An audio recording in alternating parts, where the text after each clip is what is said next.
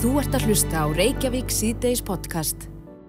Það var tilkynnt nú rétt í þessu að eh, Magnús Tóri Jónsson, skólastöru Seliskóla, væri nýr formaður Genarsambands Íslands. Já, þetta er búið að vera alls svona spennandi uh, barátta.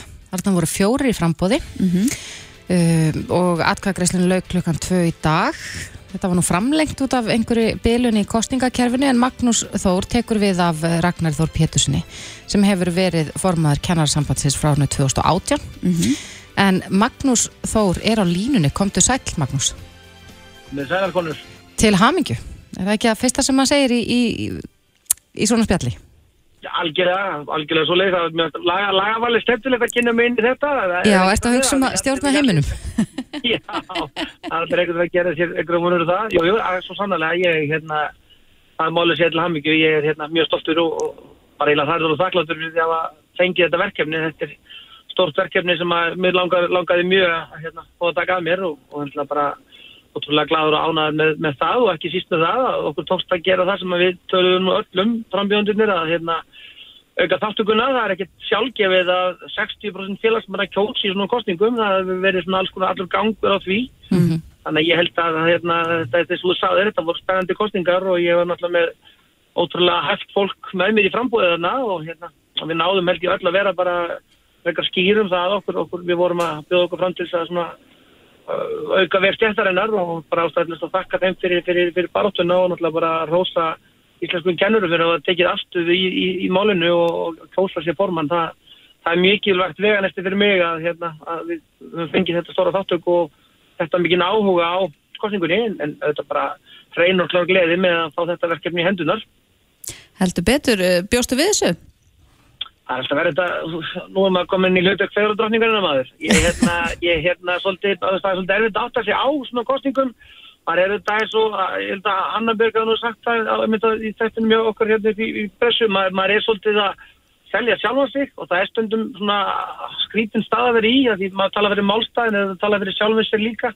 Þannig að í gegnum þessar vikur, þetta er alltaf langur aðdáðandi, við erum að vera fjórar vikur að að keppa og kostningin löng og svo kom framlenging í gær þannig að maður svona, maður seflaðist en, en mér, þetta var að þannig, mér fannst ganga vel að, að tala fólki, ég fótt svolítið þá leiðina að, að reyna bara að vera svolítið að flakka um og spjalla við fólk og heyra og hlusta hva, hvað fólk vildi heyra. Og mér fannst það ganga vel, fólk var reynskipt og reynskilið og spurði öflura spurninga og, og þá gæt maður svona aðeins tala fyrir því sem maður sér og, og skrifa því að líka og, og Mér finnst ég að fá mikið meðbyr en, en ég greindi það líka að, ótfæramjöldum minni fengi líka verðskuldaðan meðbyr. Þannig að það var ekkert verið að ringi koma á þann sem að svona, það svona synkaði inn en ég gerði mig búin því að þið kennið það að mér fannst þetta gott að vel. En nú eru eflust mörg og brín verkefni framundan. Þið voru nú all fjögur hérna í pallborðin á vísi um daginn á stöðu 2. En þá uh, töluðu þið um að- kulnun væri mikilvægsta verkefnið og þið tali líka um það og, og það hefur kannski kemur engum óvart að, að já, umræðan um mentamál er oft neikvæð. Nú erum við til dæmis að fá fréttir af, af uh, ofbeldismálum innan skóla. Hvað myndir svo, þú segja að væri brínasta verkefnið þegar þú tekur við hérna, formennsku? ég, myndi kannski vilja aðeins umorða sko, hver- hvernig við segjum þetta. Ég, ég held að sko, kulnun er, er afrakstur sko, einhvers konar ástand sem að snýra starf aðstæðanbóls.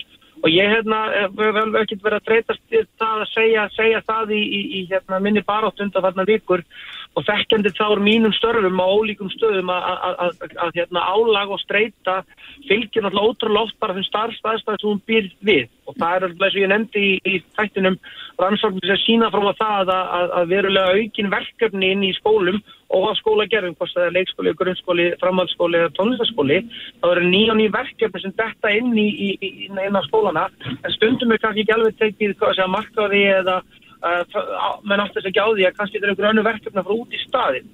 Þannig ég held að, að umræðan um, um, kvíðan og álægið og, og það allt sem við erum að tala um á kulnun í starfi fylgi akkurat því að við þurfum svolítið, við sem kennarastjætt og við bara sem samfélag, að setja staðist niður og velta fyrir okkur hvernig við getum leitt þá umræðu inn á annars svið heldur en uh, er núna, hvernig við getum bara tryggt það að kennarar í, í skólunum okkar búi við þannig aðstæða að þeir geti farið inn á góldi barnana okkar saman hvort þau eru eins og skumul í leikskóla 19 ári framhalskóla eða hvernig sem það allt er og skila sínu starfi. Það er, það er algjör líkil þáttur í því að börnunum okkar líða vel og það kennur þeim að líða vel. Mm. Þessi umræði sem þú ert að vísi núna er þetta bara umræði sem að mér finnst sko, núna þegar ég get tala sem formaði kennararsambansins, það langar mér mjög til þess að við sem samfélagi setjum slítið verið þá umræði.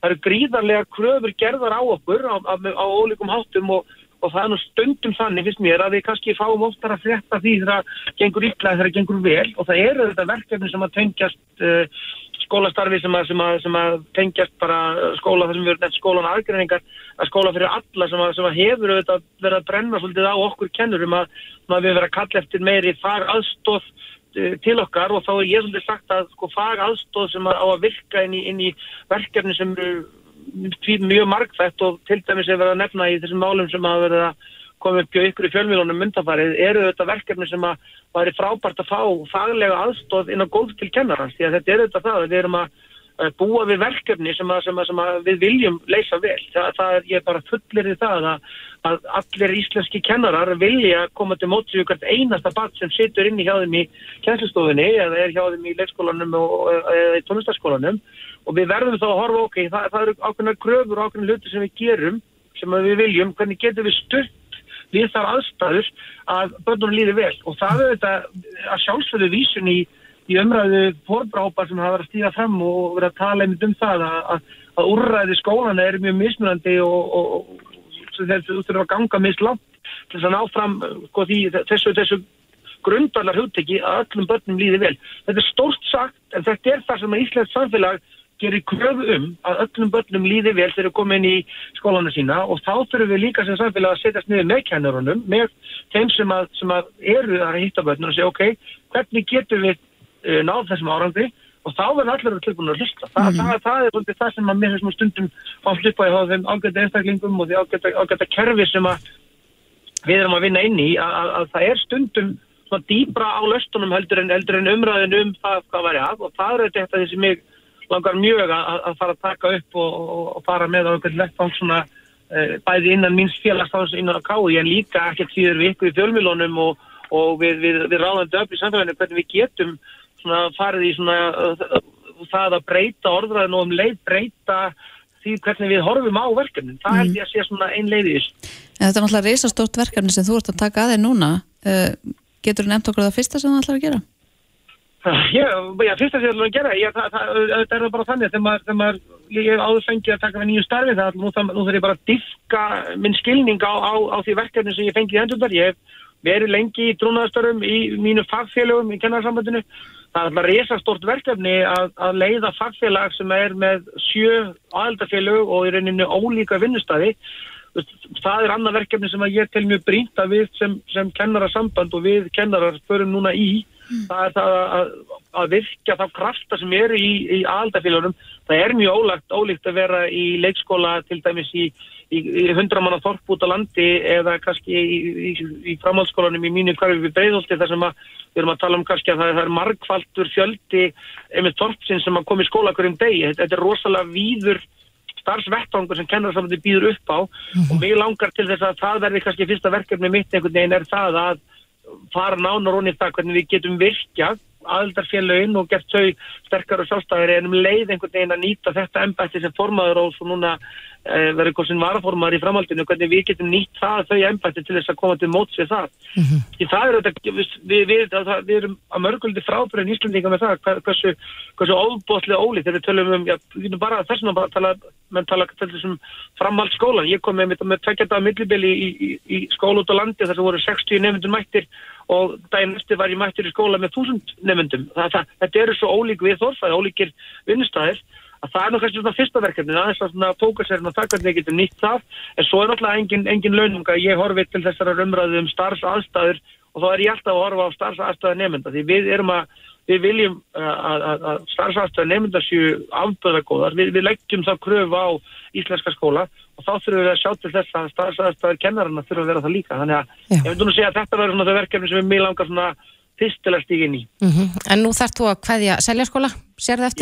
að Ójá, það ger ég. Það er, það er bara, ég hérna, veist, það, þetta, var, þetta var langur svona sem aðdrandi og ég var búin að, búin að fá uh, rattir fólk sem, sem kvöttu mig áfram en, en ég við ekki henni það alveg að kannski var hann starsta skrefið eftir ég var búin að ræða við fjölskylduna, það var að fara að hitta mitt samstarfsfólk í seljaskóla og svona greina því frá þér ákvörðan, ég ætlaði að bjóða mig fram. Ég er náttúrulega þreytist ekki þá að segja það að hérna, ég er náttúrulega orðin ætleitu breyðislingur og hérna hef verið ótrúlega fassa ánáður í starfinu mínu í seljaskóla, þetta er frábær hópur nefnda og frábær hópur kennara og, og, og samfélag sem að sem að stendur vörðum skólan sinn og, og það verður bara mikil eftir sjáum mér að, að, að get ekki haft þau með mér og það, það var erfiðast að skrifa á þessari leið. Var í rauninni að stíga frá því verkefni sem við erum búin að vinna frá. Það er búin að ganga á ymsu frá því ég kom og við hefum náða að standast það raunir ég vel og ég kvíði því ekki svo sem skólansvegna það er frábært fólk við starf og ég veit að það verða hæfleikar einsæklega sem taka við um mínustarfi en, en það er alveg engin launung það, það er eftir sjá að vera ekki að lappin í seljaskóla næsta höst Ég trúi því og gútt er það að Breiðoltið er góð stað til að vera á en uh, Magnús, okay. jú, hann er bara endislegur endislegur alveg reynd er bara, það er bara þannig sem það er, sko. það er, það er Við erum algjörlega samanlega það. Já, já, en uh, Magnús Þóru Jónsson í kjörinn formadur Kennarsambands Íslands, takk hjálpa fyrir spjallið, gangið vel og reyndu nú að gera þér gladan dag í kvöld þess að halda upp á þetta. Já, takk fyrir það, ég gerir það. Þú ert að hlusta á Reykjavík C-Days podcast. Reykjavík C-Days á bylginni heldur áfram.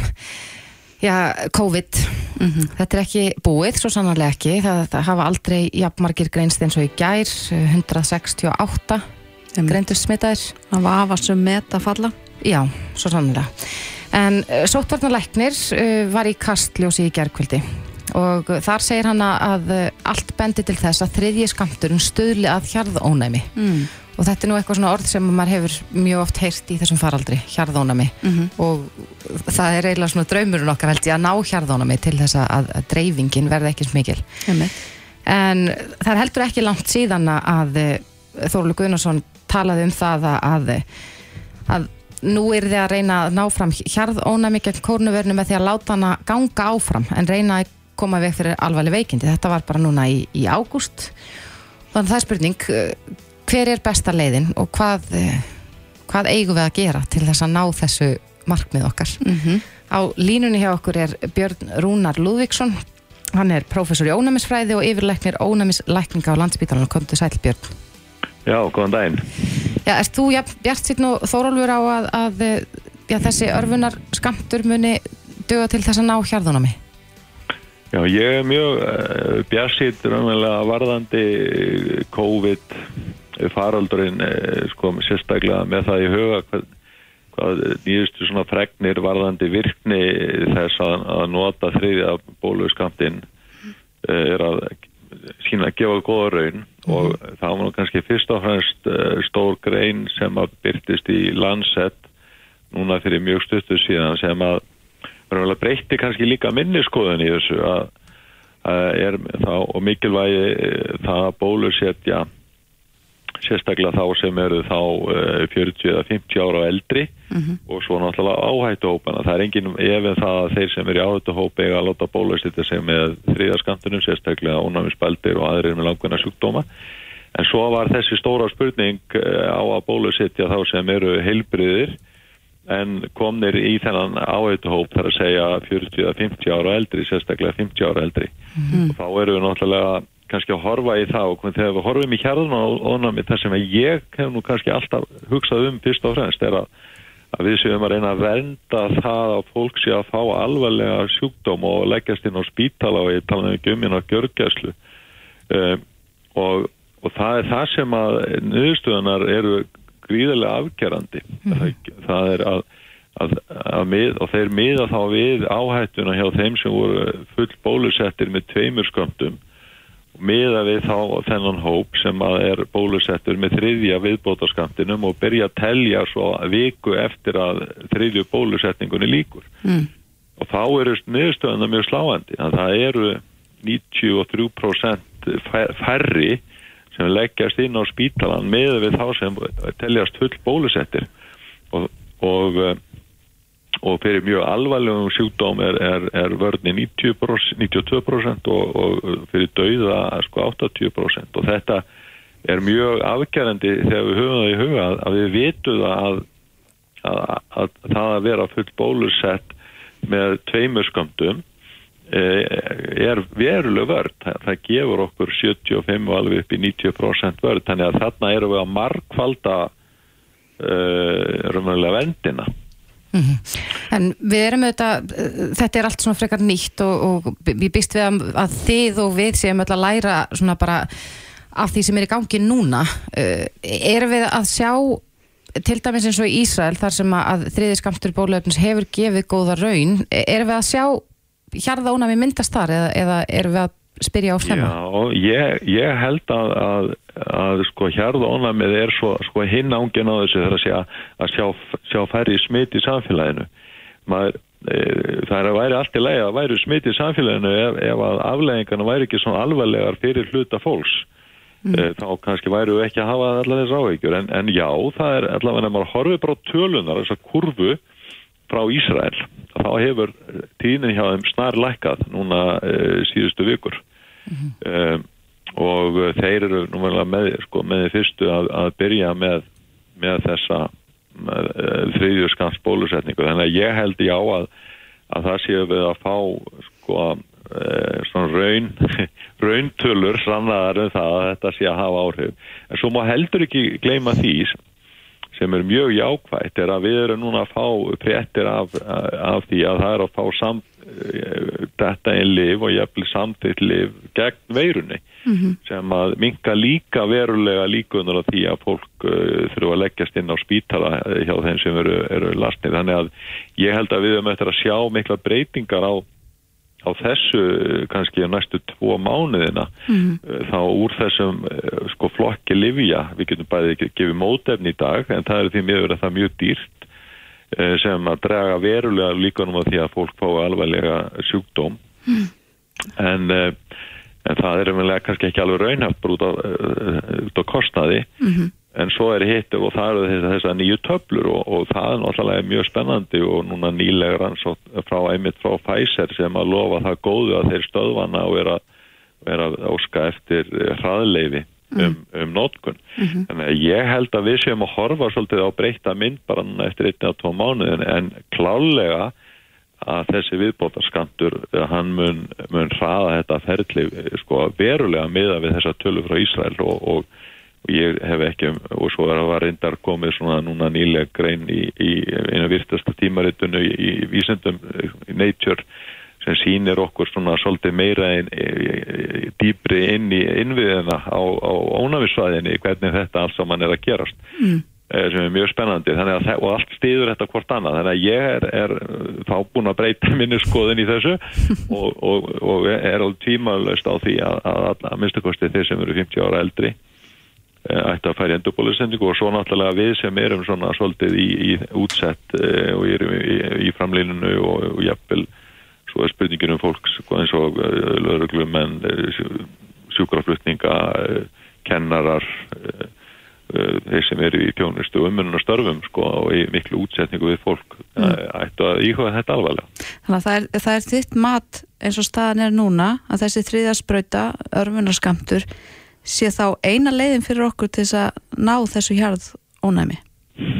Ég held að hún sé lang skjótvirkasta leiðin til að ná uh, sko tíni tölunum á alvarlegu tilfellunum inn á spítalan. Það er það sem snýst þetta um fyrst og fremst er að, er að við losnum við það, það að vera í, í mjög er, erfiðu stuð og ég vil fresta uh, sko mjög nöysilegum, ég vil hjartaðgerðum sko út af því að görgjæsleinu fulla af, af fólki með, með COVID og það er það sem við erum að reyna að koma í vekk fyrir og náttúrulega að sótarðanlegnir og helbiðið séðvöldu öll eru að reyna að koma í vekk fyrir með því að hvetja þá fólk til þess að fara í þrýðu bólusendingun. Akkurat.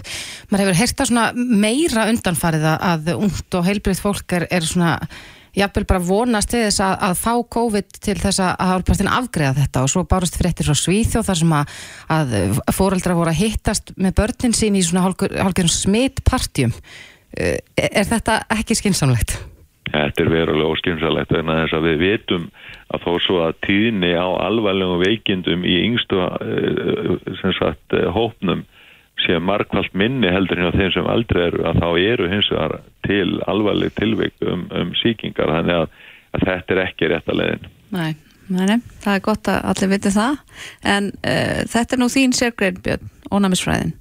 Uh, við erum búin að vera kljást uh, við þetta COVID-dansi lengi, allt og lengi finnst mörgum, er þetta ennþá spennandi og talaður um á hann, það verður óbúslega spennandi að fylgjast með þessum þessar nýju pillur, COVID-pillur svo kallari ertu ennþá spenntur í vinnunni?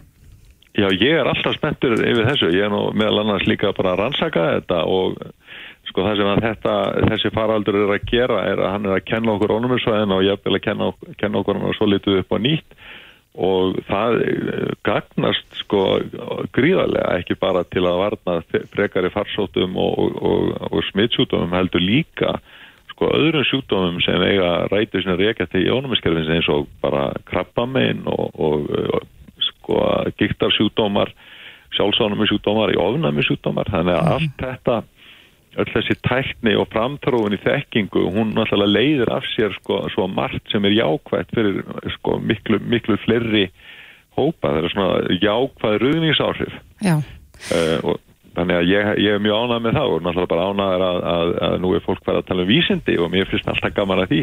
Já, og ég segi bara örgla fyrir mig og Lili Katrín að, að við erum líka gladar að heyra að, já, þú varst svona, svona bjart sín í stótnir yfir þessu öllu saman.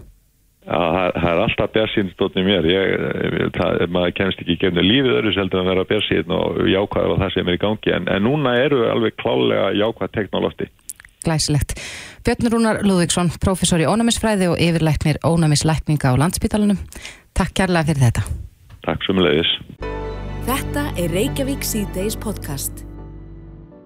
Það hefur nú mikið verið rætt um að Íslandinga vanti þjóðarleikvang Já. Eh, og það dró nú til tíðinda fyrir stuttu síðan þegar komi ljós að íslenska kallalandsliði Körbólta fær ekki að spila heimaleiki sína í undakefni HM 2023 á Íslandi og ástæðan er svo að eini löglegi keppnisvöldur landsins, lögatursöll, er ónótæfur Já. þannig að þörfin er brín og nú spyrja spekingar hvenar handboltinn lendir á skurðabrettinu Algjörlega og það var líka, það, það er nú ekki langt síðan að við tókum hérna viðtal við þjálfara uh, kvennaliðs breyðabliks endur þær búin að standa sem er eindæmum vel -hmm. og já, það var svona tvísýnt um hvort að þær gætu spila heimaleikin hérna heima vegna þess að já, laugatarsvöllur uh, dugir ekki fyrir uh, Európu keppna. Nei, einmitt. Þannig að okkur vantar raunin þjóðarleikvang bæði fyrir inni og út, út í þróttir. Uh, Þórður Már Sifússon, skiplags fulltrúi Dalaböðar, hann er á línunni, góðan og blessaðan daginn. Já, góðan daginn. Þú hefur nú gengið slátt að skrifa meistarritgerð um nákvæmlega þetta málefni. Um, er það svo að vantar okkur, sagt, vantar okkur einn þjóðarleikvang eða vantar okkur tvo, sérst, einn fyrir inn í íþróttir og einn fyrir úti í íþróttir? Já, það er reyndar raunin. Það vantar tvo uh, þjóðleikvanga í fyrir, fyrir danspilnu og, og hérna innan að síðróttir. Mm -hmm. Er jafnir þrjáð það að segja, þú líka átt þetta fyrir frjálsæðíþróttir. Einmitt það. Þannig að þetta eru, já, þrý þjóðleikvanga sem við þyrstum að fá bara fljótlega. Mm, einmitt. Vi, við verðumst ekki, það verðist vera mikið karpað um þetta en voðalega lítið hefur gerst uh, í þessu máli. Já, sko, það maður segir bara að þetta sé gömul saga á ný, sko, í kringum 1990 þegar við vorum svona, já, nála tíða bara halda háa með handbólta sem að fóða fram 1995, þá var alltaf þessi umræða mikið í flórunni og það er að segja ný þjóðarhöll fyrir, fyrir innan og fýrúttur og það handbólta líka. Mm -hmm. Þá var samastæður uppi núna, Ríki og Borg, það er bara hættu á milli sín bóltanum og mér meira sem var þetta svo komið að Kópavogur og hérna Hafnafjörður og það voru komin inn í myndinu um að halda þetta en alltaf enda þessu aftur á ríkinu sem sagði nei, þetta, þetta, við getum ekki byggt þetta Mm -hmm. og á þeim tíma þá náttúrulega var höllin sjálfa í lórin ólulega keppnistæður Einmitt.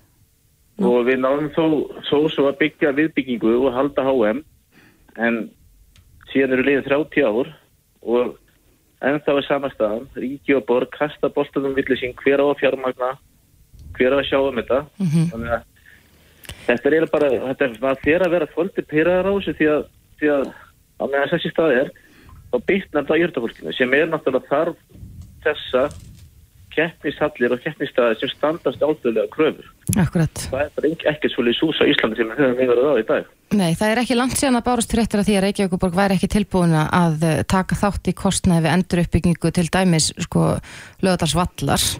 Eh, Sér þú fyrir þér að þetta gæti gerst bara já, í öðrum sveitafjölum? Þetta væri reynilega bara ekki á höfuborgarsvæðinu? Sko, vissulega, það þekkir stæmyndi þess bara í úti, úti, úti í einu stóra heimi. Það eru náttúrulega þjóðleikum sem bara dreifast um, um land, landið Mhm.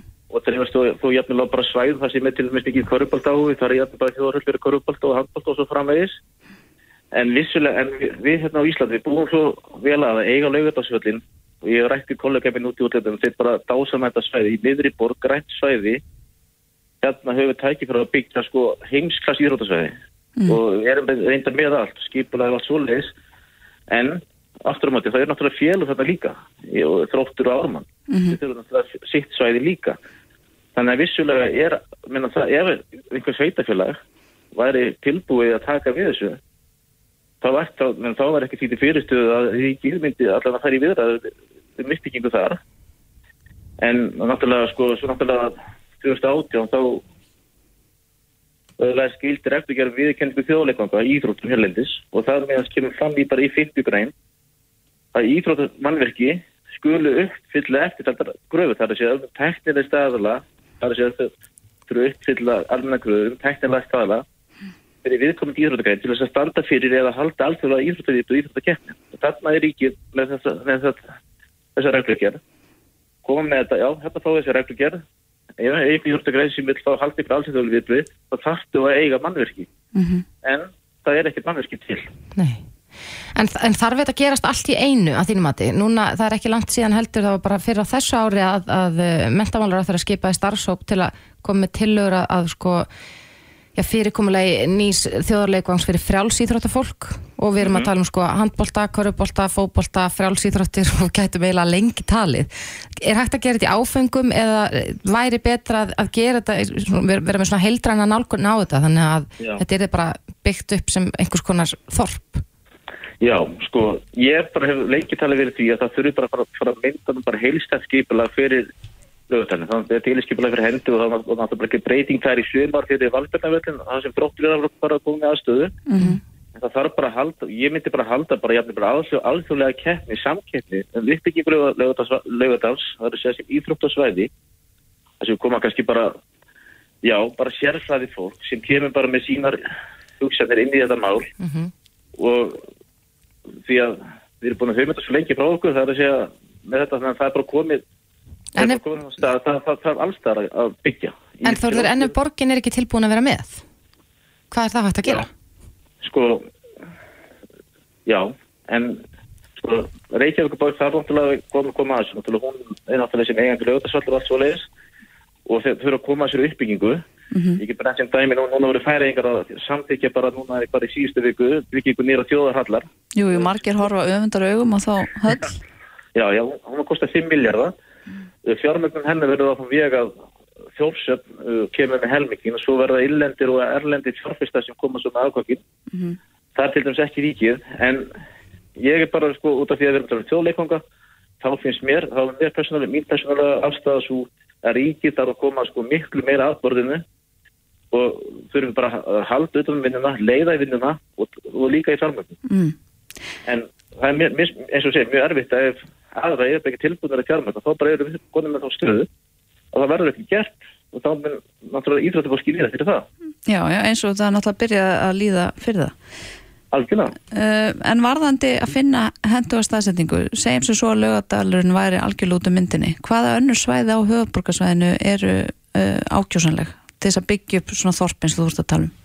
Já, sko ef við fyrir bara svona að sína skip, skipulagsfræðina uh, eins og svona íþróttasveið þeir byggjastu út á jæðrinum eins og lögutæður, hann byggðist bara á jæðri borgarna á þeim tíma þegar hann byggðist upp. Svo bara allt í það kom 2020 það var alltaf bara miðsvæðis í borginni. Mm þegar svo er komið þá eru borgar standa borgarverð fram fyrir þeirra ákvörðun að eigum við að færa svæðið og þá út á jæðrin aftur. Mm. og ef við erum að tala bara svona, ef við erum að tala bara um að færa allt bara byggja upp nýtt sko, þjóðar íþróttasvæði þá náttúrulega eru kannski ekkert svo, svo, svo, svo sem mörg uh, margir staði sem komið í greina en, en hérna höfuborgarsvæðinu bara sem afhliðasvæði þá er náttúrulega með hófsæðuna það er þetta komið reynda mjög langt út á jæðarinn Mhm. uh, Guðvinnesi þegar, náttúrulega þegar sundabröðin kemur. Það er svona tvö svæði sem væri álkjörsanleg. En þegar við erum bara sem að reysa eina, til eina íþróttahöll, þá náttúrulega eru svæði eins og í Garðabæ, uh, Hafnarfyrði, og jafnir Kópói sem er alveg sem alveg hægt að skoða. mm. En það er þín skoðan, það liggur það mikið á að við þurfum að gera þetta allt samhliða. Við þurfum nýjar, nýja, nýja þjóðar, nýjan þjóðar leikvanga fyrir í rauninu bara íþróttirnar í landinu. Við getum ekkert fara að horfa á þetta sem uh, lögatarsvöll eða uh, körubolta aðstöðu eða eitthvað slóðist skipta þessi þannig í hólf. Nei, og bara, sko, það er reyndar orðin mjög núna og reyndar orðin ágeng mjög núna. Það sem að til að mynda það sem er að byggja spila leikvanga að þá eru byggð, sambyggt íþróttahallir. Og þetta er bara e eitt verkefni. Það er sem sem okkur er ekki, er ekki KVC og HVC og KKI bara búin að sitja sniður er, okkur vantar uh, mannverki þjóðleikvanga okkur er búið ekki bara til eitt verkefni. Það sem er byggjum fótballtaföll og svo sambyggjum við hann uh, uh, íþróttahöll sambyggð er til að nýta þjónustu og er til að nýta bílastæði og þetta er orðið mjög algjört erlendis og ég myndi og þetta er ótrýrið svo sem aðferð og aðgerð heldur til að vera að byggja á þeim vissmöndu stöðum. Já. Já, við skulum vona að, að fulltrúar HSI, KSI og KKI sé að hlusta og, og já, takk þetta til sín. Þóruður Már Sigfússon, skipulags fulltrúi Dalabeyðar. Takk kærlega fyrir spjallið. Ekki mann, takk fyrir mig.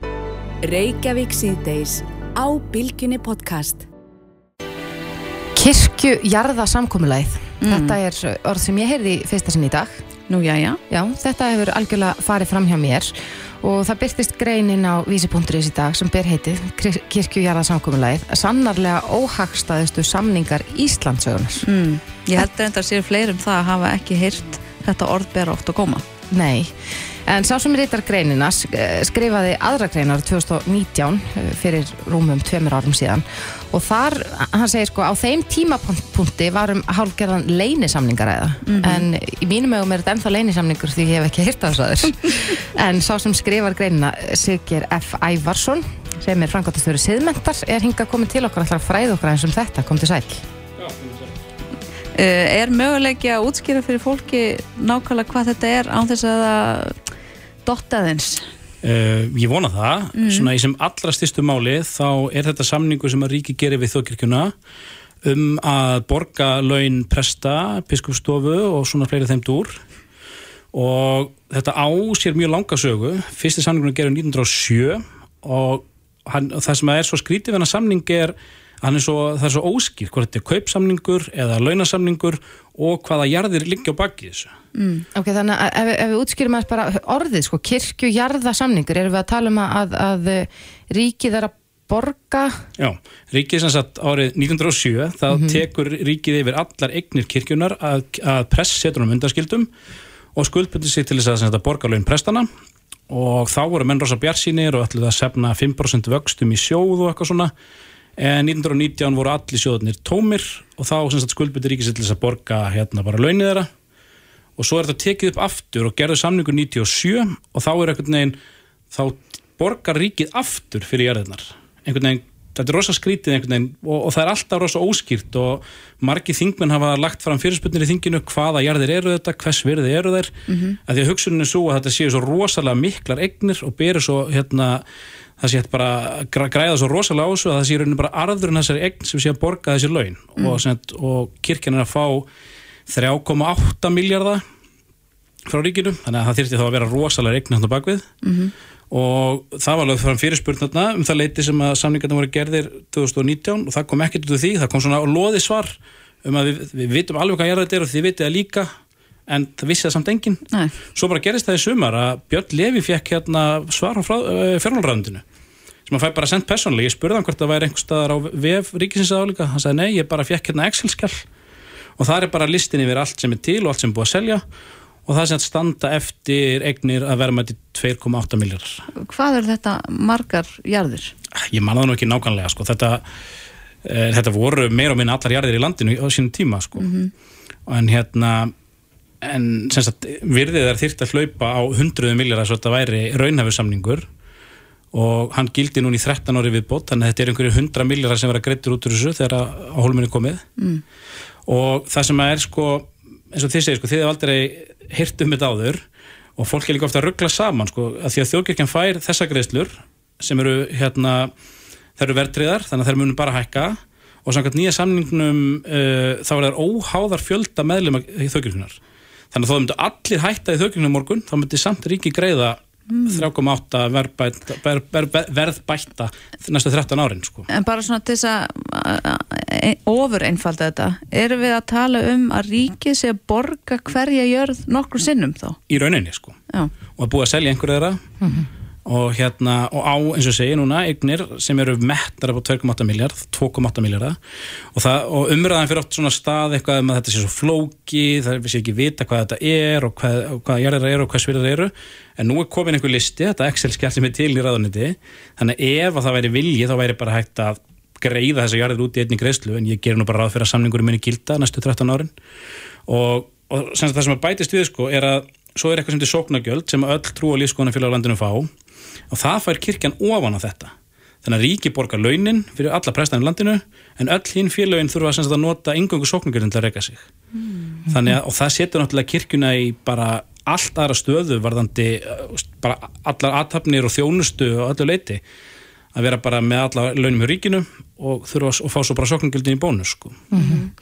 Þú segir hérna sko í umræðanum greinina sem skrifaði fyrir tveimur árum síðan að þá voru sömur sem að sökuðu um að ljúa Já, er er, heldur að staðan sé eins núna að fólk sakið um að ljúa þegar þú dregur fram eh, þessar Mm. upplýsingar? Eh, alveg potið einhverjir, af því það er alltaf einhverjir sem að, það er svo skrítin umræðan um þessa, um þessa hérna, samninga. Þetta er svona, þetta eru svona samningar, þess- hérna, fásum þessar samnings eru órans, órans, órannsakanlegir eins og vegir sumra æðri máttarvalda. Og það koma alltaf einhverjir sem segja bara já, þetta er alveg ljóst og við þurfum ekkert að pæla í þessu. En mér finnst þetta bara að vera svo miklu peningar og svo mikil skuldbytting fyrir ríkið í svona langan tíma. Og hérna Upplifir það þannig að, að þegar að til dæmis þetta samkomulag er gaggrínt eða eitthvað annað innan þjóðkirkjunar að einhverju taki það sem árás? Engin spurning. Og, og það er alltaf eitthvað svona, já, kirkjan veitir svo góða þjónustu og hún er svo mikilvæg í þessum samfélögum og allt það. Og ég get alveg tekið undir það að einhverju leiti, að þú veist, það eru örglega á fullta stöðum sem að fullta prestum er að vinna bara mjög gott starf. En mér finnst bara svo ósangert að allir þurfa að borga fyrir það. Og hérna, og þetta er líka og hérna Brynjan Níelsson grýpur oft í samlingunum við hérna ríkisúttarpið akkur er öll að borga fyrir það? En mér veist einhvern veginn ekki hægt að jafna saman sko trú og lífskoðunum og svo útvarstöð þó við getum alveg tekið það umræði líka við erum náttúrulega annar útvarstöð núna. En hérna en ég meina, það er einhvern veginn og það fækkar í þjókirkjunni bara í hverja meinasta mánuði og tröstið er komin nýri hvað 20, nei, 33% og helmingu þjóðarinn vil aðskilna ríkis og kirkju 60% er í henni. Þannig að það finnst mér bara rosalega skrítið að það hafi verið ákveð að binda ríkið í 15 ár í viðbót og bundið hérna óháð aðild í þjóðkirkjunni. Þannig að meðan að það fækkar sem hefur bara verið gerst núna árum saman þá er þetta bara meðan að frábæra samning og fá bara fullt að- af pinningum búin að gulltryggja sig til, já næstu þið segir 13, næstu 13 ára, en þetta er vantarlega ekki hefðbundin samningur sem ríkið gerir? Nei, það er nefnilega það líka sko. það er svo uh, les sko umræður, gamlar umræður sem búið í gangi síðan 97 be- í rauninni þessu umræða sko. Það er svo óljóst einmitt, hvort þetta er kaupsamningur hvort ríkið eigi þá jarðirnar hvort þetta sé launasamningur og staða sko, þetta var náttúrulega hver er staða presta innan þú veist, ríkisins í dag? Eru er þeir embætismenn, eru þeir ekki embætismenn ég held ekki, en samt borgar ríki launið þeirra og svo einhvern veginn, svo sér maður nú fréttir að því núna að hérna kirkjan glími við sem sagt fjárhagsörðuleika og búið að segja upp mannastjóranum og alltaf fækka, hérna segja fyrir prestum ráðningastopp og eitthvað svona. Þannig að það hefur áhvert að sjá hvernig umræðan verður því að mig svona grunar að það fullir hann um það að kirkja muni kalla eftir meiri peningum á einhverjum tímapunkti. Þetta verðist ekki duga. Og það verður áhvert að sjá hvernig það verður á að auka þær upp að þeir sko Já, ég vona að þetta hafi varpað ljósi á kirkjujarða samkúlæð svo kalla uh, Sigir F. Ævarsson, Frankværtastjóri Siðmendar. Takk kærlega fyrir komuna. Já, takk ég fyrir mig Reykjavík síðdeis á bylgjunni. Hér í gær áður en að útsending hófst rétt fyrir klukkan fjör eða frettir voru öll í gangi ekki það skipti öllu máli. Góð saga.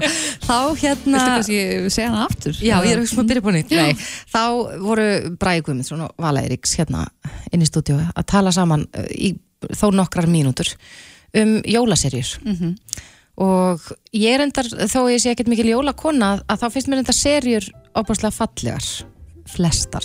Mm. en bara uh, gott að fá mér í byrtu og, og svona en það eiginlega komur að óvart hvað þau gátu tala mikið um serjur. Ég velti fyrir mig bara í, voru þið að bera saman bækur ykkar?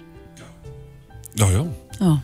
já, já, ég bara spurði spurði vel hvort hún verið búin að skreita Já, en svo voru að Hún tala um ímis, ímis afbriði af, af serjum og, og þetta var allavega áhugavert spjall og Já, já, við fórum að veltaði fyrir okkur sko, hvort að fólk væri almennt komin í þennan skreitingagýr já, það eru margir sem verið að skreita einmitt akkurat núna í þessum svona hvítu ljósum og svona hlýjuljósum. Já. geima aðeins marglitu seríu. Warm White, eins og það heitir vist á fagmáli. Já, ég nefnilega hef aðeins verið eh, svona móti, núna eru þetta þessar serjur flesta hverjar, eða allar LED og mist LED ljós stundum svolítið svona æpandi hvít en ekki svona þægileg. En það er spurning hvort að, að fólk sé komið í jólagýrin í verslunum. Á línunni hjá okkur er Árni Stefánsson forstjóri húsasmiðunar, komdu sæll Árni Já, komið þið sæl. Já, þegar við heyrðumst í dag Árni þá sagðir þú mér nú að þú væri svolítið já, svolítið mikill skreitingamæður, er það ekki rétt?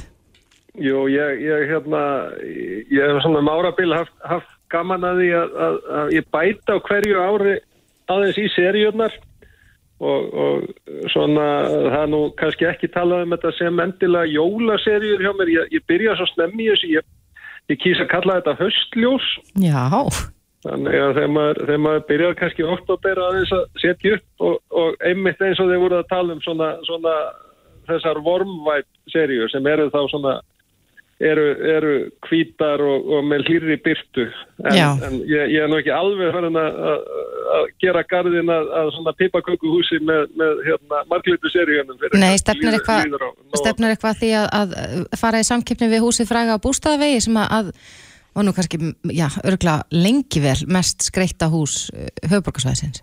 Já, nei, ég, ég er eiginlega, ég, er ekki alveg þar, ég held að, ég held að nú, nú er hérna, held ég að ramarsreikningun hjá mér er, er þið full hár ef ég myndi hætta mér í þann slag. Þú voru ekkert lendið því eins og Chevy Chase í National Lampoon's uh, Christmas Vacation að stingi samband og ekkert gerist. Ég, ég hef lent í ymsu en, en, en nú, núna með þessu LED-seríum þá er þetta orðið, orðið svona öllu þægilegra. Ma, maður, er ekki, maður er ekki lengur eldast við, hérna, eldast við einu biliðu seríuna hérna í, í 300, 300 ljósa uh, línu. Nei, Þetta fer. já, það er kosturinn við, við lettið. En eh, hvernig er það, Árni? Er fólk farið að flikkast til ykkar að kaupa sér jólaskraut? Já, já, það, þetta, er, þetta er allt byrjað og, og við erum, ég var nú bara að kíkja á, kíkja á sölutölur og, og ég sé að við erum að selja eitthvað 11.000 úti í seríur nú þegar, Já, þannig að það kannski segir, segir eitthvað og, og, og það er aðeins, aðeins svona aukning, aukning á milli ára. Og hérna, og jólaskrautið er, er svona alltaf byrja, ég, við, við opnum jólaland í Blómavalli fyrir, já, það verða tvær, uh, tæpar tvær vikur síðan. Þannig að það var í oktober. Uh, já, já, þarna, þarna rétt, rétt fyrir mánaðamótin. já, Svo, svo var einmitt konukvöld í Blómavalli síðustu viku og það var, það var bara mikið renneri og, og, og fólk svona snemma, eh, snemma í því að gera, gera góð, góð kaup. Er það venjulegt? Er, er þetta svona í, í svona eðlu árferði að fólk er farið að huga að jólaskrautinu já, mánaðamótin oktober-november?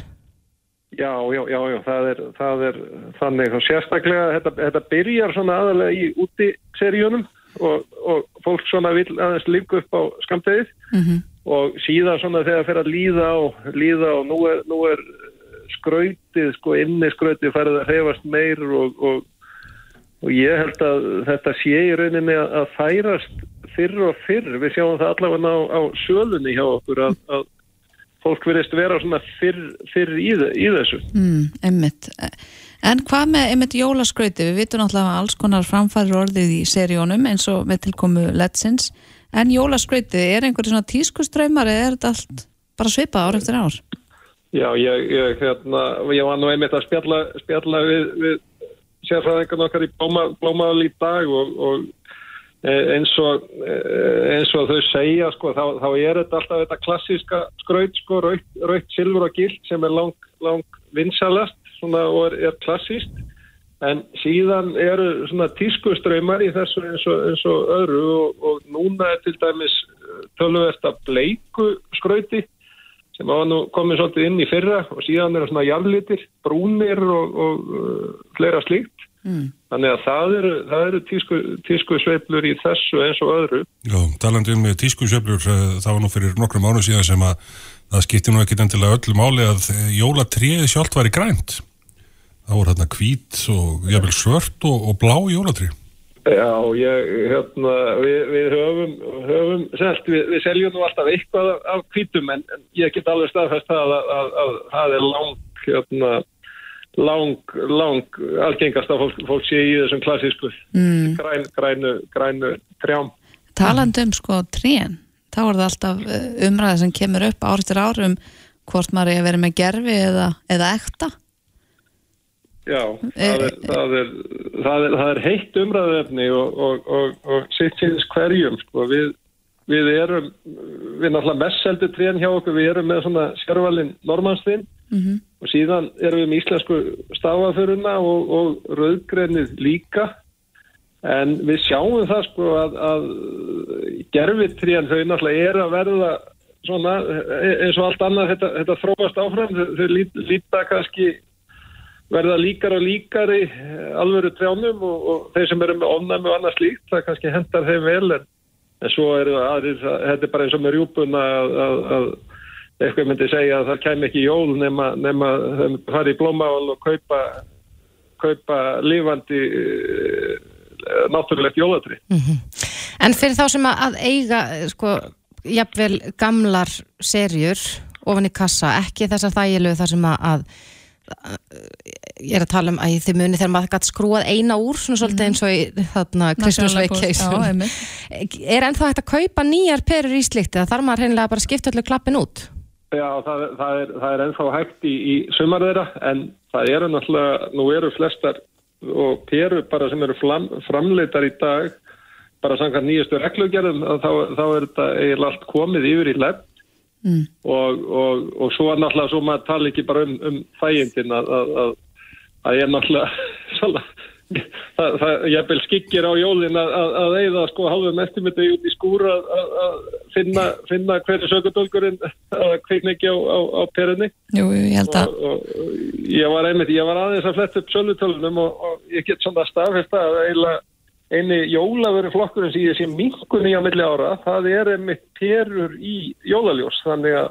mm. það náttúrulega segir svolítið til um það að, að, að fleiri og fleiri eru að færa, færa sig yfir í þessar seríu sem að sem að svona vandari típurnar þær, döga döga í, í nokkur ár jafnvel úti seríunar þannig að, þannig að, já, þannig að ljó- ljósa peru salan hún, hún, hún fer minkandi með hverju, hverju ári. Já, en Árni þið sjáu það allavega af ykkar sölutölum að, að þó að það séu 45 dagar til jóla að þá er fólk byrjað Já, já, fólk, fólk er byrjar við bara býðum eftir býðum eftir jólasnjónum. Ég, við, erum, við erum að byggja nýja verslun á, á Akureyri og ég var að kíkja á vefmyndavilun í morgun og sá að það, það er orðið kvítt þar en, en ég held að svona virkilega þegar við förum að fá snjóin hérna fyrir sunnan þá tökum við líka við okkur í, í skrautinu og, og það, jó, jólinn kom alltaf sko. Já, Árni Stefánsson, forstjóri húsasmiðunar Takk kærlega fyrir þetta. Kjæra þakkir Já, ég veit ekki með þig Þórdís en við fara að klæði puttana að byrja að skreita Já, Mm. ég veit með mig að það er ekki svo Nei, en ég hins vegar, ég held sko, þó að ég ætla ekki að láta eins og ég sé bara eh, sko, eh, Trölli. sem stál jólunum Mhm. ég er ekki þannig ég á svona nokkur vel valin jólaskraut sem ég held mjög mikið upp á til dæmis svona lítinn jólasvein með ljósaperu inni sem er búin búin að fylgja mér sinni ég var barn. Mhm. ég á nokkrar svona spiladósir sem er svona glerkúlur sem snjóar inn í. Einmitt. ég hlakka alveg til að, að, að skreita heimilum mitt með þessu en, en mér finnst þetta svolítið mikið umstang fyrir svona örfáar vikur af einhverju Við bara erum Glys og samanla Ég held að það sé nokkuð ljóst. Eh, Bragi, ert þú byrjað þess að staðskreita? Nei, Nei. En ég hins vegar fór í Costco um daginn, það var ævindirleg reynsla. Þar til dæmis var hægt að fá um, svona notabrjót sem var tölvöld hærri en ég. Það var, það var eitthvað fyrir þá sem eru hvað yktastir í, í skreitingum hann að við verið hærri en ég. Já, ég nefnilega er ekki frá því heldur. Hann var mjög hár og ég var að hugsa um að gera sýstu minni greikut vegna þess að hún er að flytja og ég var nýbúin að skoða nýja húsið hennar og, og það er mjög stórt og flott og hátt til lofts. Ég var að hugsa um að gefa henni svo leiðis í innflutningsgjöf en svo ákveði að vera ekki svona vondsýstir Nei, það er gott, þetta er líka rándýrt eða ekki? Jú, svo sannlega en alveg þess virði að eða dágóðum penning í, í góðan brandara en eh, nú ætlum við að fara að skipta yfir að fréttastofuna og heyrumst aftur rétt á eftir Ekki missa af neinu. Reykjavík síðdeis á bylgjunni. Bylgjan Laufabrauðin eru komin, ömmu bakstur. Treyðu þér miða í happdrætti SIBS á sibs.is eða í síma 560 48 00. Drögum í kvöld. Happdrætti SIBS. Einstakir tilbóðsdagar í Livju dagana 8. til 11. november 25% afsláttur af snirti og húðvörum, ilmum, gjafavöru og bætefnum Velíðan er besta jólagjöfin Livja, lifum heil Almatta málningin frá Sikkens er nýðsterk og breytist ekki við þvott. Veldur betri málningu, sérhefni, síðumúla og dalvegi. Kjöt í karri? Ég veit ekki alveg með það. Það er þriðjudagur. Dominós. Asta Æ frá Kínatúra byggir á Arets 2 formúlinni sem auglæknar mæla með. Heilbrið sjón með Asta Æ fæst í apotekum betri matveruverslunum og á kínatúra.is. Viltu gefa umhverfisvæna gjöf sem sapnar ekki reiki? Með Óskaskríni getur þú valið úr meir en 100 möguleikum. Óskaskrín fæst í verslunum Penna Seymundsson, Hagkaups og á óskaskrín.is. Óskaskrín. Upplifun í ösku. Tútor rafgeimar með háu kaldræsifóli fyrir kuldan í vetur. Skorri.is Allt í rjúpnaveðina í Vesturöst. Vesturöst, laugavegi 178. Vesturöst.is Gluggaþvottur um allan bæ. Okkar frábæra starfsfólk skilar gluggunum tandur reynum. Garðafjónusta Sigurjóns. Jólaoljöðnar okkar eru komnar. Þið þekkið þær. Hver annari betri. Ilmóljulampar.is Loftbóludekkin eru örugur kostur þegar kemur að naglalösum vetradekkjum. Dekkjahöllin.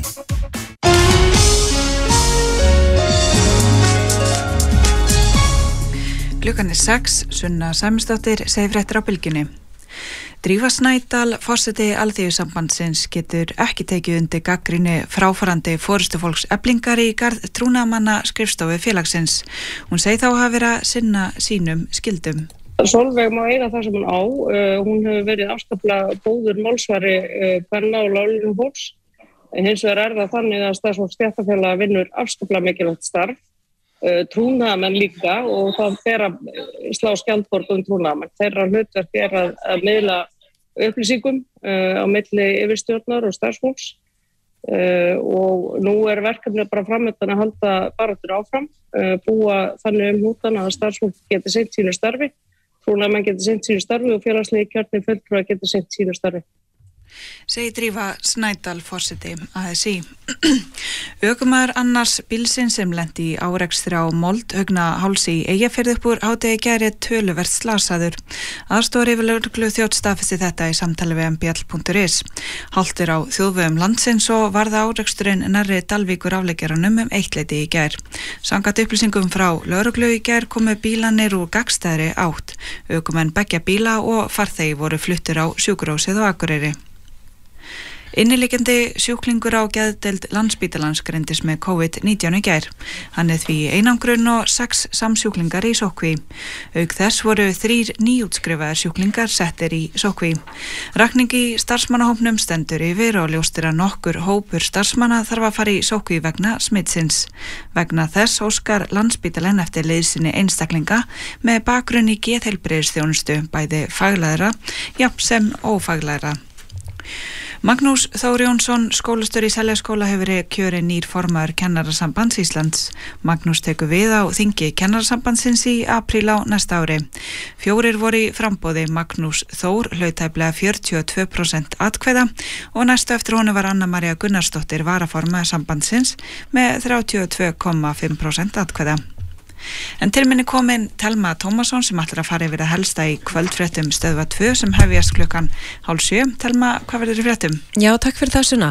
Nú, staða koronaviru faraldur sinns verðist versta með degi hverjum hér á landi en deildastjóri COVID-göngu deilda telur að herða þurfi aðgerðir heldur betur til að staðan verða ekki einn slæm og viða annar starf í Európu og uh, rætt verður við deildastjóran. Nú við höldum áfram að fjallum mál stjættarfélaga og í kvöld verður rætt við starfsmann stjættarfélag sem var viki frá störfum eftir að hann kvartað undan langvarandi einelti yfirmanna. Stundur segist hann hafi verið lamaður af skelvingu og það verið stvíða pottur brotin.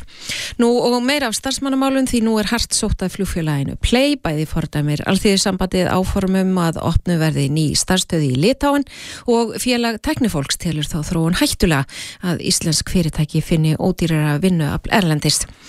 Nú svo verðum við í beitni útsendingu frá Hörpu þar sem um 600 konur taka þátt í heimstingi kvenleðtoga, mikill kraftur þar og svo kynum við okkur nýja Pokémon búð og eina merkilegustu dráttarvið landsins sem verður snúið í gang. Nú fullt að gerast á fréttamenn okkar fóru viða í dag. Svona.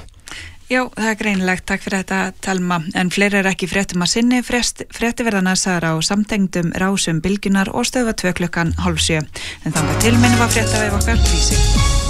Bilgjan er með þér allan daginn. Send okkur tölvupóst reykjavík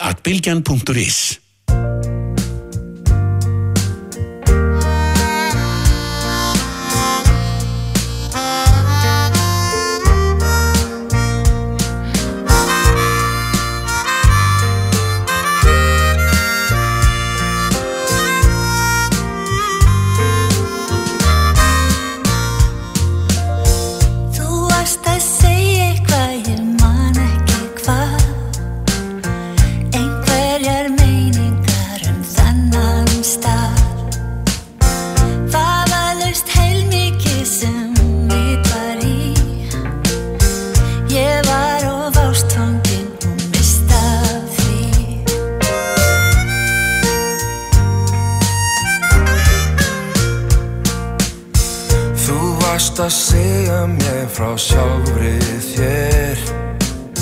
Satt best að segja fór það fram hjá mér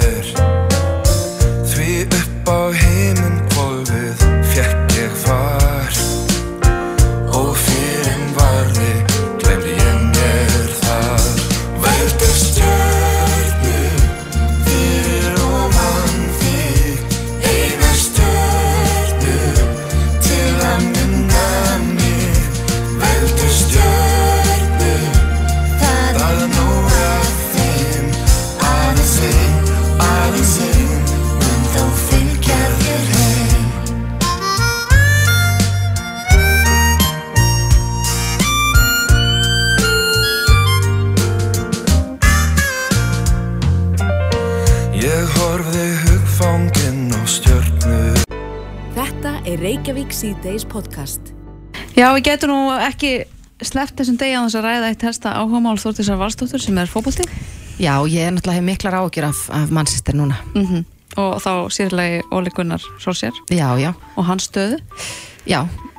mm Mér finnst ekki fyndið að gera grína með Lili Katrín Nei, en fyrirgefðu, fyrirgefðu. Ég, ég allavega fylgist ekki mikið með fótbolta og ég fer ekkert leint með það Nei, en það uh, fréttamillar eru fullir af fréttum um uh, já, óvissa framtíð Solskjær hjá United eftir frekar slappan árangur undanfarið uh, best að taka fram að ég er United manneski þannig að þetta kannski litast ölliti að því þetta viðtal er. Gummi Ben er komin til þess að vera fagmaðurinn hér í, já, Mhm. kom til sæl Sælar. Hvað er að gerast þetta hjá, hjá United? Nú er Solskjær bara fann til Norex í frí Já, hann ákveð að fara með fjölskyldunni í frí. mm. Það er náttúrulega núna landsleikja vika, það sem að fjölmargi leikmenn Manchester United eru farnir með sínum þjóðum að spila leiki í undakefni HM en, en ég, ég mitt raka augun í það. Og líka að einhverju eru hissa á því að hann hafi ákveð að fara heim bara í frí með fjölskylduna en Ég hugsa að þessi bara margar veri hugmyndir heldur en bara aðeins að fara í burtu frá þessu eins og staðan er núna og eins og pressan er á sólskir því að þessi leikur bara um helgina á lögadaginn gegn mannsti sitt í, í borgarslagnum að hann var hann var ekki merkilugur Nei. að hálfu Manchester United og hann, að, þetta var svona bara eins og í gamla dag, þetta var ójæmt Mhm. þetta var eiginlega bara ósangjart og ójæmt þeir fengu valla snerta boltan á sínum heimavelli og, hérna það sást bara langar leiðir að hvað Manchester United á óbúslega langt í land í að nálgast þessi bestu lið í ennsku úrstildinni Mm. En núna er þetta ekki bara einhver sófaspekingar uh, eins og heimistofu hjá mér heldur er þetta ég veit, er Ríó Ferdinandi búin að byðla til uh, Úli um að hætta án að vera reikin? Já, já, og það hefur svona verið svolítið í umræðunni að, að, að að það eru margir af fyrrum samherjum hans sem spiluðu með Solskjær á sín tíma eru að starfa við umfjöllun um, um fótboltan og það, þeir hafa ekki þeir hafa ekki verið hardið við hann, það er ekkert að segja að það er að verið virkilega grimmir við hann. Það er svona, það er náttúrulega ákveðin vinátt að, sem, að, sem er ennþá í gangi og, og hérna, þeir hafa aðeins átt erfitt með kannski að, að vera mjög hardið við hann en, en ég get svo sem alveg skilið það og þú veist ég held að séu að fáir sem að óska þess að einhverju missi starfið sitt Mhm. það, það er óbúslega skrít, þú ert óbúslega skrítin manneskja ef, ef það er efst á óskalistanum þínum og, og hérna en ég held að sé samt alveg á hreinu að óleikuna Solskjær er eh, kannski komin í tröppu og hátt Já. ég mér að fullir það með að við bara hvað hann hefur gert á þjálfaraferli sínum og þráttur hann hafi verið frábær leikmaður fyrir mannstur nætt á sínum tíma þá þá þá held ég að séu rosa fáir eftir sem að hafa trú á því að hann geti tekið mannstur nætt í hæstu hæðir Já, það er er stór orð. orð, mjög svo. Þannig að ha- hans nýju líf eru búin. Í, í, sko ég held þessu ekki búinn ég, ég er eiginlega bara samfærum það að hann fær að klára tímabil og hérna því að þráttur að svona á undanförnum Ferguson var náttúrulega mjög lengi en síðan kom þetta David Moyes sem að staldraði stutt við og Van Gaal og Mourinho og Solskjær núna og kannski þessir síðustu undanfarar hafa ekki verið kannski lengi í starfi en, en einhvern veginn hefur mannstur nætti virka á mig sem þannig fjöla að það er ekki það er ekki bara skipt til þess að skipta Mhm. og ég er ekki að búin að sjá hver það á að vera sem að mannstur nætti á að taka inn til þess að eitthvað verði betra því að ég held að sé bara svo miklu meiri vinna framöndan heldur en bara skiptum stjóra Akkur segir það? Það, það svona virkar á mig bara, ég, ég er stundins með Manchester United og hefur verið alla mína tíð og mér finnst bara að vera óbúslega lítið plan í gangi mm. og tilfengi mín þegar ég horfi á leiki Manchester United að að leikmennir viti ekki hvaða plan, hvernig ætlum við að spila, hvernig er best fyrir okkur að spila til þess að, að vinna leiki og eh, bara þessi síðustu tveir leiki gegn Manchester City og gegn Liverpool um daginn sína bara öllum það sem að er ekki með allt og þykk Manchester United gleru að það er svo langt í land til þess að, að ég raun og vera að keppa við þessi lið. Mm -hmm. Áttu, og, og það þarf að vera einhver svona það þarf að vera einhver stefna. Hva, veist, hvernig fjela, hvernig lið ætlum að vera? Það, hefur verið keiftir inn frábæri leikmenn og, og, og hópurinn er yfir fullur af frábærum knaspindumönnum en það er ekki eins og að það sé eitthvað frábært plan eins og er í gangi, svona virkar allavega á mig sem að horfa á þetta í hverju viku En átti Ronaldo kannski koma þarna sem bjargvættur?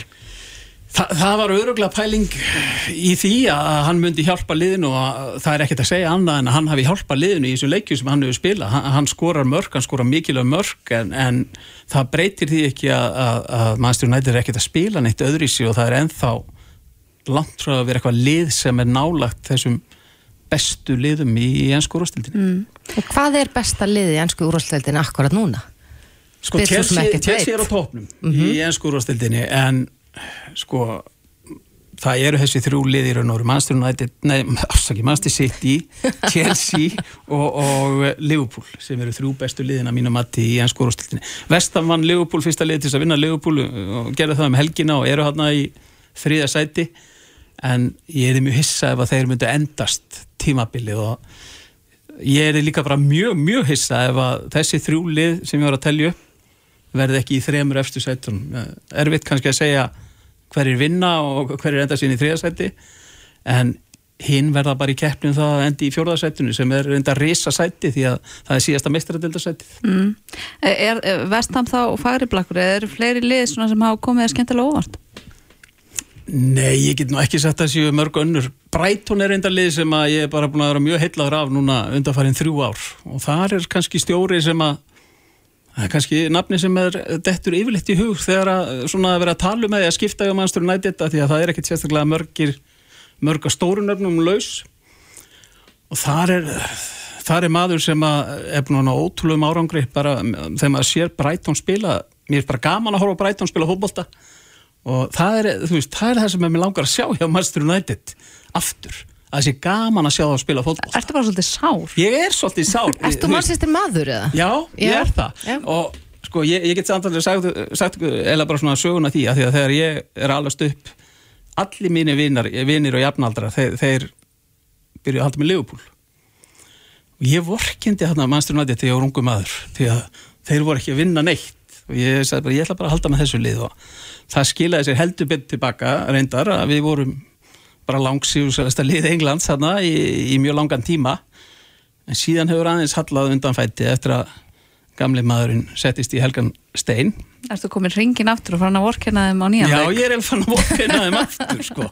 Að en ég efast ekki um það að United mun koma aftur og, ég meina keppa við þessi bestu lið og þeir á einhvern ótrúlega mátar endur endur í, það er ekki öðru sæti held ég á síðustu leiktíð og það var bara stórkoslegur árangur lefið ég mér að segja, með að því svona með að hvað virðist vera lítið plan í gangi og, en ég hugsa að það sé samt svolítið í það að Manchester United geti fara að keppa um það að vera ennsku mistari aftur Já. það er alveg hægt að vinna einhverstaðar byggakeppni og jafnvel Európakeppni ef að þú ert aðeins heppin með, með dráttin þar en En þú heldur allavega að Ólegunar Solskjær muni Já, ég ekki áfram. bara allt farið til anskotans núna í þú veist, setnipartin í november og í desember.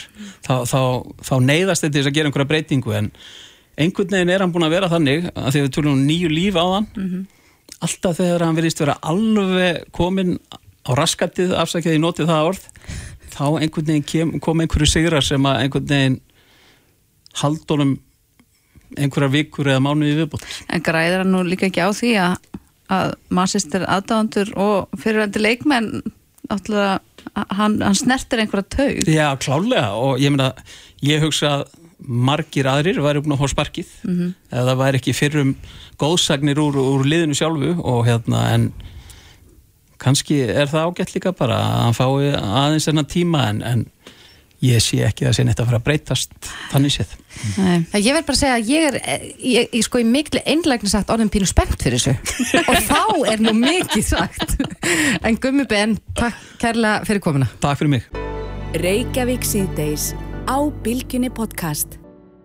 Já, Þórdís, það er 45 dag til jóla. Get ekki beði Ekki heldur, nefnilega Ég er pínu, að- pínu að, að eh, já, því ég gæst hérna akkur núna. Mér strendar jólin sjálf bara ofbáslega falleg hátíð.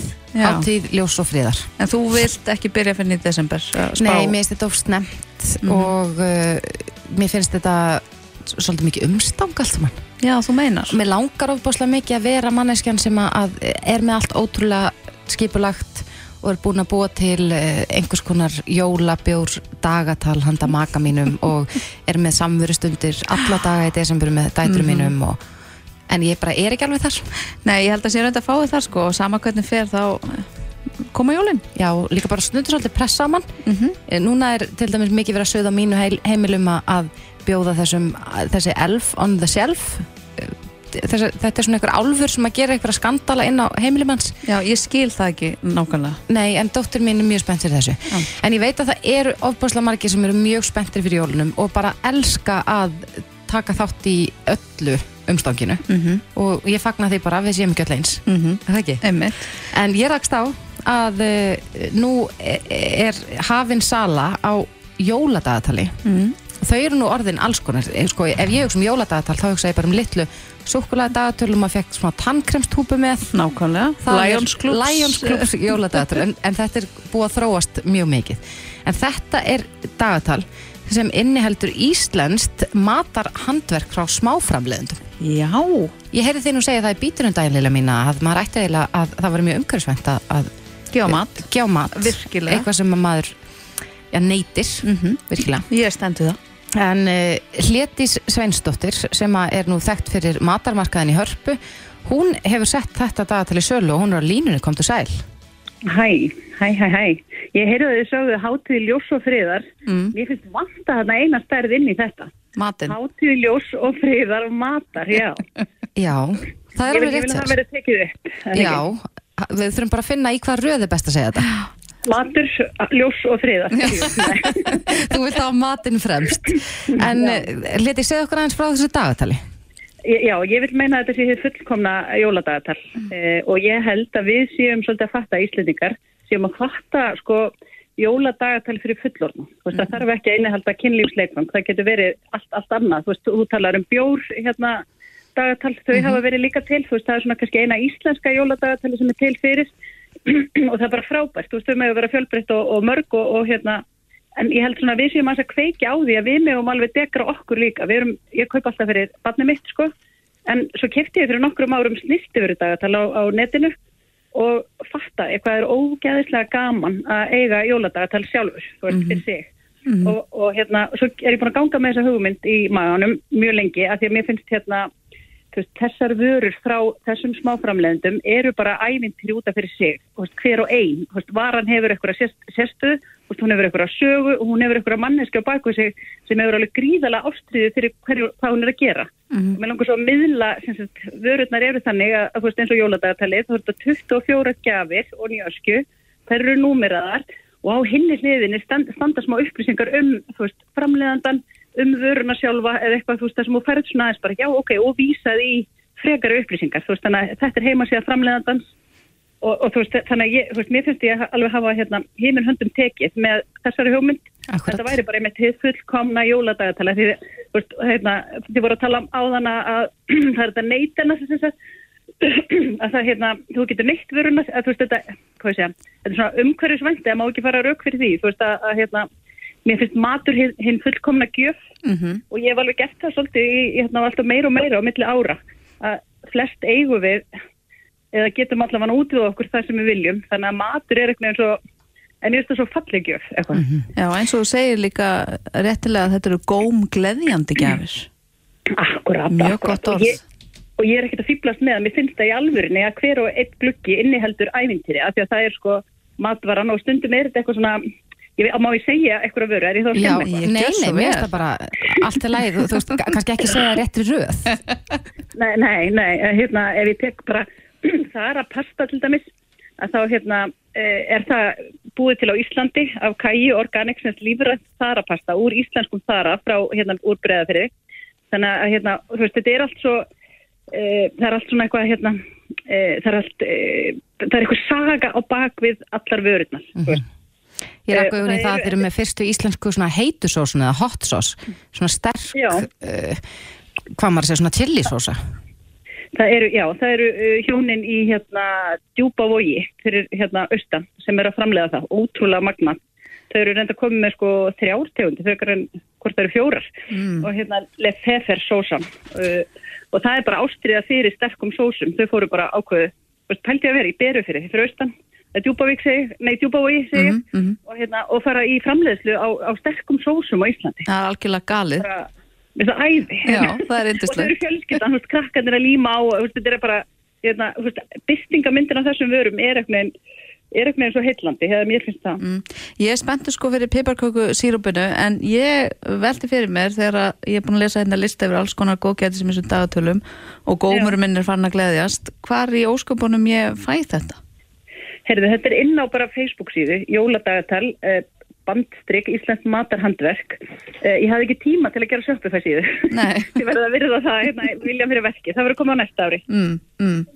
En eh, hvernig er svona staða íslenska smá framleiðenda í, í matvælabransunum? sko, ég myndi segja að hún væri góð, eða sko, mér finnst þetta, ég kalli þetta matarhetjur, af því að umhverfið er kannski oft búið að vera frekar erfitt, þungt og erfitt, þannig að einmitt allir þessi framleiðendur eiga svo allt gott skilið fyrir það sem þeir hafa, hverju þeir hafa veist, þetta er fólk sem er búið að leggja mikið á sig fyrir sína veist, og, og riðja brautina en það hefur verið alveg óbóðslegur uppgangur í smáframleiðslu. Ég er náttúrulega búin að vera, eh, við erum búin að vera með ég og í hérna, matamarkaðina, matamarka Íslands í hörpu hvað er ekki, það eru komið tíu ár síðan við byrjum, vá, það eru komið tíu ár. Síðan, síðan, síðan við byrjum á því. Og hérna, og bara frá því við byrjum þá og, og hversu mikill hérna, veist, það er svo margi sem eru að koma nýjir á markaðin, neytendur eru að- fatta fegurðina við það, hvað er, hvað er skemmtilegt að kaupa beint af framleiðandanum, að fá söguna, kaupa veist, og, og hérna, veist, þannig að já, þetta hefur alltaf verið, þetta er alltaf að aukast, veist, það er alltaf einhvern veginn, þannig að það er mikill gangur í þessu. Og bara núna við náðum ekki að halda neittmarkað 2020 Uh, bara hérna á milli ára frá því við vorum með síðasta markað 2019 og þángu til núna við erum að reyna að stefna markað í hörpu í desember Mhm. veit ekki hvað verður það að vera hérna viðburð að halda þessum síðustu vestu er dálítið svona Það er krefjandi verkefni. Já, og hérna, en, en þá eru komin í rosalega margir nýjir smáframleðindir inn á markað en það er alveg æðislegt að vera að fylgjast með, með tí sko Já, en þú segir uh, Facebook síðan Jóla dagatal, Íslenskt matarhandverk og hvað kostar þær leitin? Sko, uh, þú ert með hérna með 24 gjöfum, Mhm. uh, hún er á 29.000 og með 12 gjöfum er á 14.500. Akkurat. Þannig að það er svona 1000 krónu glukkin, rúmlega. Við hvetjum alla áhuga saman til þess að kynna sér þetta. Hlétis Sveindóttir, takk kærlega fyrir. Já, takk fyrir sem er leiðið. Hlustaðu hvena sem er á Reykjavík C-Days podcast.